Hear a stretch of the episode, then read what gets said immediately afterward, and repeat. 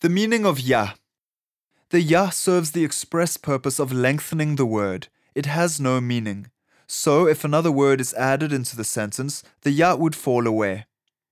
I learn is ndiyafunda, but I learn Xhosa is ndifunda isiXhosa.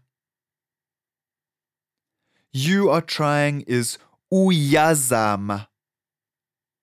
You are trying a lot would be uzama kakhulu. So notice we're dropping the ya when there's another word following.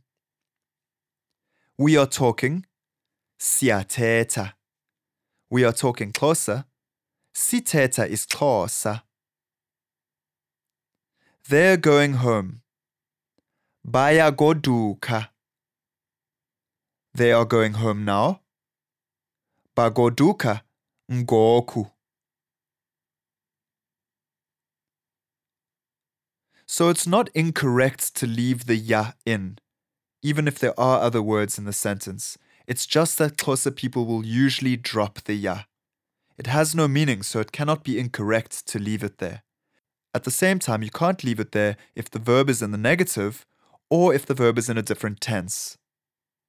So, guys, what you want to do now is you want to take that long list of verbs that we've learnt and start practicing them with the six different prefixes and getting used to that and getting confident with them.